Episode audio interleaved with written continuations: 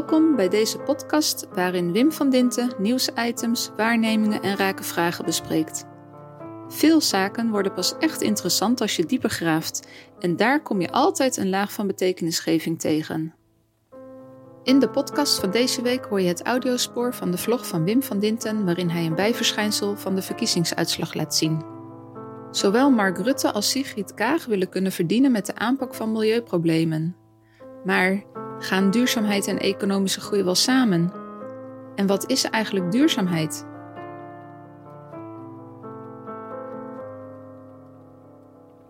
Ja, goedemorgen, goedemiddag, goedenavond. Ik, ik weet niet wanneer u kijkt. Vorige week stopte ik met het idee om wat te vertellen over bijeffecten, bijverschijnselen van de verkiezingsuitslag. En tegelijkertijd wil ik dat combineren met wat in deze week in de krant verscheen, of in de media verscheen, of ons maatschappelijk heeft beziggehouden. Nou, dat is natuurlijk op de eerste plaats wel het COVID-gebeuren, maar dat laat ik maar even zitten. Dat komt, kan altijd nog wel. Maar uh, ik werd um, op het uh, milieu ge, ge, ge, gedrongen. Eerst door een column van Peter de Waard gisteren in de Volkskrant. Waarbij hij liet zien dat economische groei en duurzaamheid niet samengaan. Dat je niet economisch kunt groeien en tegelijkertijd een duurzame samenleving erop na kunt houden. En samenleving staat dan, duurzame samenleving staat dan vooral voor een samenleving die uitgaat van een ecologie die beschermd is en kan groeien. En niet waarbij niet meer de economische groeicijfers bepalend zijn, maar belangrijk is of je sustainable wordt en sustainable bent. Valt natuurlijk wel op bij al die beschrijvingen dat men heel erg uitgaat eerst van Nederlandse situatie, alsof wij in ons eentje in staat zijn dat wereldwijd op te lossen, wat natuurlijk liederlijk onmogelijk is.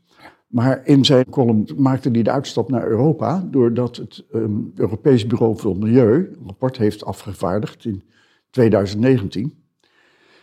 Um, wat de titel had um, Decoupling Debunked. Ik moet er iedere keer weer even bij lezen om de titel te onthouden. Daar bedoelen ze mee dat een economie economische groei en, en duurzaamheid niet samengaan. Je kunt niet duurzaam zijn. Uh, een duurzame, ik wil dan zeggen, met de, economie, met de ecologie centraal stellen en economie laten groeien. En dat je dat ook niet mag verwachten in de toekomst. En dat ze dat gebaseerd hebben op onderzoek waaruit blijkt dat ook nergens een voorbeeld aanwezig is te vinden is waarin dat mogelijk is. Nou, nou, nou is dat fenomeen dat je gaat zoeken of het ergens al gemaakt is, een manier van kijken. En ook de idee die je daar dan aan koppelt, dat je met dat model naar de toekomst kijkt eh, en dat het ook niet verwacht kan worden, is dan ook wel te begrijpen. Maar het is natuurlijk nogal, nogal eenzijdig, nogal rationeel. Want dan zeg je eigenlijk dat je uit wil gaan van economische groei en kijk dan hoe dan ook of het mogelijk is. Er is ook een hele andere benaderingswijze mogelijk. En die benaderingswijze is dat je uitgaat van de vraag: wat is nou eigenlijk duurzaamheid? Voor veel mensen is duurzaamheid dat iets langer meegaat. In economisch perspectief is het dan, dan zuinig en dan bezuinigingen en besparingen van energie. Eh. Maar duurzaamheid in ecologisch eh, perspectief wil zeggen dat al wat leeft en groeit in wisselwerking is met zijn omgeving en met elkaar. En dat daarin de potentie tot evolutie ontstaat. Dat wisselwerking de potentie tot evolutie draagt dan wil je natuurlijk weten, wat is dan wisselwerking? Nou, wisselwerking is dat je, dat je herkent en ziet dat een invloed is van een plant of de omgeving. En dat die invloed wordt teruggekaatst door weer een andere invloed. En dat in die wisselwerking invloeden elkaar versterken. En dat in die versterking het bijzonder wordt wanneer een patroon ontstaat. En dat patroon zich kan vestigen, stabiel wordt. En dat het verder meedoet en dat het daarin kan groeien. En, en, en je dus die evolutie herkent als een soort stapeling van evoluties die voortdurend doorlopen en, en groeien. En dat in die wisselwerking dat mogelijk wordt gemaakt. En, dat is dus extreem subtiel.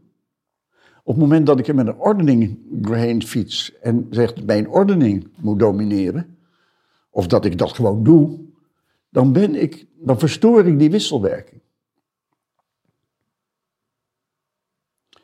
En je kunt natuurlijk zeggen, nou, ik, ik praat met elkaar, wij praten met elkaar. Dan is er wel wisselwerking, maar die heb ik dan gerationaliseerd in wat ik zeg. Ik heb er woorden aan verbonden. Ja, dat is, dat, dat, dat is vergeleken bij de subtiliteit van die wisselwerking waaruit evolutie ontstaat, een hele, hele grove benadering. Met andere woorden, op het moment dat ik dat herken en ik erken ook en geef ook betekenis aan die wisselwerking en wat erin ontstaat en kan ontstaan, dan ben ik natuurlijk op een hele andere manier bezig dan wanneer ik uitga van mezelf en mijn rationaliteit gebruik om iets voor elkaar te krijgen. En als ik dat nog, nog uitdruk in geld, dan ben ik helemaal van het padje vergeleken bij de potentie tot evolutie die uit de wisselwerking kan ontstaan. Dus het draait hierbij om betekenisgeving. Duurzaamheid in de vorm zoals ik het net formuleerde, wil zeggen dat ik de evolutie herken en waardeer en respecteer. En dat ik ook herken hoe zo'n evolutie zich voltrekt. Niet alleen in de natuur, maar ook tussen mensen. En als ik uitga van mezelf, dat ik herken dat ik dan betekenis geef vanuit mezelf. En dat ik dat ook toe kan geven. En dat als ik rationeel ben en alleen maar zoek in wat oorzaak en gevolg is, dat ik dan haak sta op wisselwerking waarin evolutionaire processen zich kunnen ontwikkelen. En natuurlijk is er dan nog het fenomeen dat ik ook moet, wil zorgen voor anderen en met anderen bezig wil zijn. Er is ook nog een sociale component in betekenisgeving. Op het moment dat ik zeg dat iets duurzaam is en ik versta daaronder dat uit wisselwerking de potentie tot evolutie aanwezig is en leidt tot wat ik kan waarnemen, dan ben ik natuurlijk op een totaal ander veld geraakt dan wanneer ik zeg duurzaam is iets wat langer meegaat. Want dan kan ik het rustig in economische kenmerken neerzetten. En als je er op die manier naar kijkt, dan wil het dus zeggen dat ik niet hoef te zoeken naar evidence in economische zin of het model raakt of niet raakt. Dan kun je begrijpen dat wanneer je uitgaat van wisselwerking die de potentie tot evolutie draagt, haak staat op uitgaan van mezelf en mijn rationaliteit gebruiken.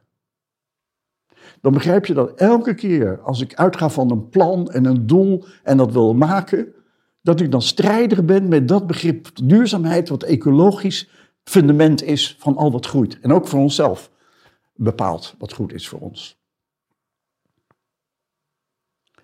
Ik moest daar weer aan denken toen ik vanmorgen de krant opensloeg. En de Volkskrant als voorpagina nieuws had. Dat meneer Timmermans in Brussel had besloten met wat kornuiten. Dat biologische landbouw nu moet worden gesubsidieerd om ervoor te zorgen dat het aandeel van de biologische landbouw in de landbouw veel groter wordt in Europa. En dan zie je iets heel bijzonders, dat ze zeggen dat biologische landbouw eigenlijk als referentie zou moeten dienen, want het is beter, geen pesticiden worden er gebruikt, geen insecticiden, uh, geen meststoffen, uh, de grond en de kwaliteit van de grond staat centraal, zowel in de veehouderij als in de landbouw. En dat je dan bemerkt dat ze geld gaan geven aan de biologische boer om te kunnen concurreren met datgene wat uit intensieve landbouw ontstaat. Dat is natuurlijk de omgekeerde wereld. Als een biologische boer de referentie is, zoals je met het milieu dient om te gaan, dan moet niet die boer subsidie krijgen, maar dan, moeten, dan kun je herkennen dat wat de kostenbesparingen zijn aan de kant van de intensieve landbouw, in feite bepaald wordt als verschil tussen wat de biologische boer aan kosten vraagt en opbrengsten vraagt. En wat in de intensieve landbouw aan kosten en opbrengsten wordt gegeven. Met andere woorden, je moet de kosten van de intensieve landbouw refereren aan wat een biologische boer nodig heeft, zowel in kosten als in inkomen. En dan wil het dus niet zeggen dat je de biologische boer gaat subsidiëren, maar dat je de intensieve landbouw belast met kosten om het op te trekken naar een prijsniveau die overeenkomt met biologische landbouw. En ja, dat heeft dan ook tot effect dat wij meer voor ons voedsel gaan betalen.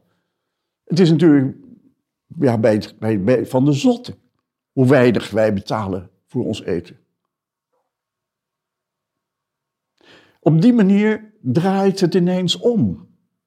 En ga ik niet meer uit van economische groei en van, van eh, een model van verdienen in die intensieve landbouw domineert. Maar ga ik uit van wat ecologisch centraal moet staan en als vertrekpunt dient.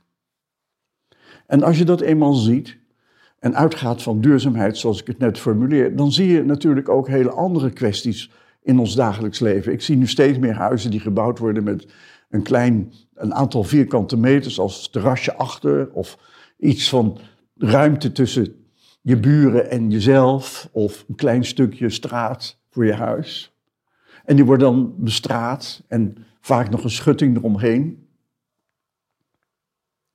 En zo ken ik iemand die heeft een huis gekocht met alle kamers airconditioned en achter een, een, stuk van 8 bij 8 of iets dergelijks, wat beslagen is met tegels en een schutting eromheen. En na een jaar kwam ze tot de conclusie dat ze achter in die tuin nooit meer kunnen zitten, want het is te heet. En de parasol helpt ook niet in die hitte. En die stenen worden hartstikke warm.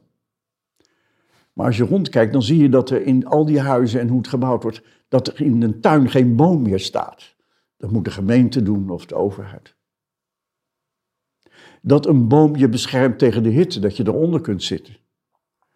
Dat je op die manier je aanpast aan het milieu en aan de situatie intussen ontstaan is, lijkt helemaal verdwenen. Dus het, het, wat ik daarmee wil zeggen is dat het niet alleen zit in de manier waarop we kijken naar ordeningen en organisaties en hoe ze zich moeten inrichten, maar het zit ook in de manier waarop we dat zelf doen, hoe wij zelf met ons milieu omgaan. Wij hebben ook geen moestuintje.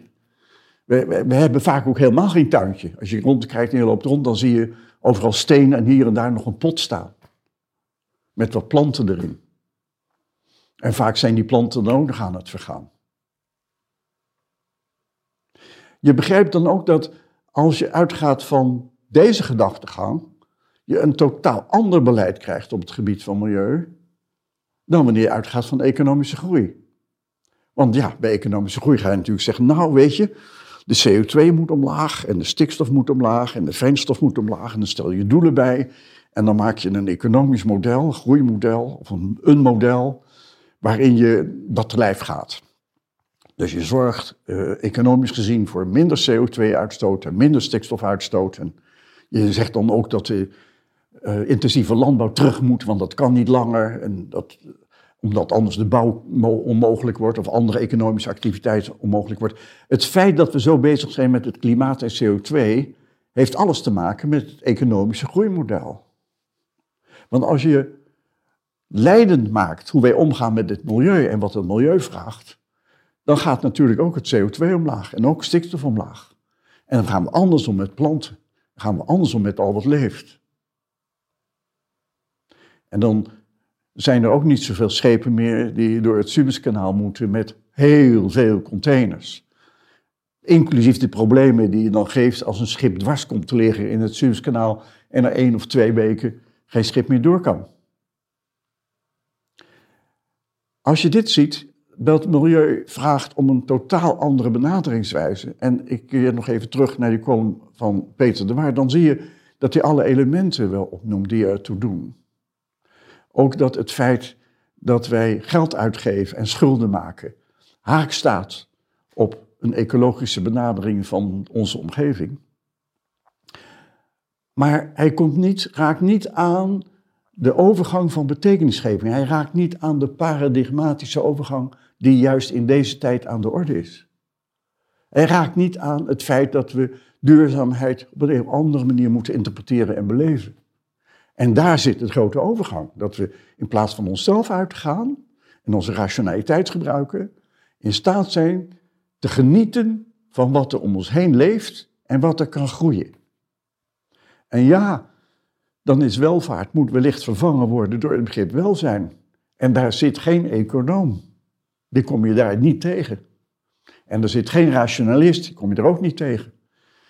En aan de wetenschappelijke kant is dat ook schaars.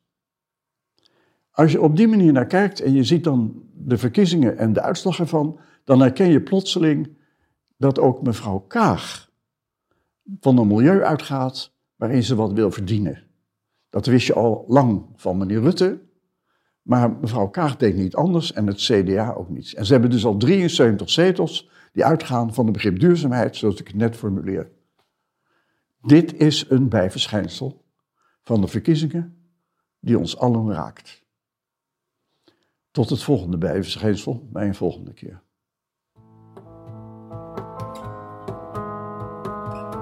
Ben je nieuwsgierig geworden naar de vlog van deze podcast? Klik dan op de link die je vindt in de omschrijving. Kom je iets tegen waar we met elkaar eens grondiger naar moeten kijken? Laat het ons weten. Stuur een berichtje naar czen, of via Facebook, LinkedIn of Twitter.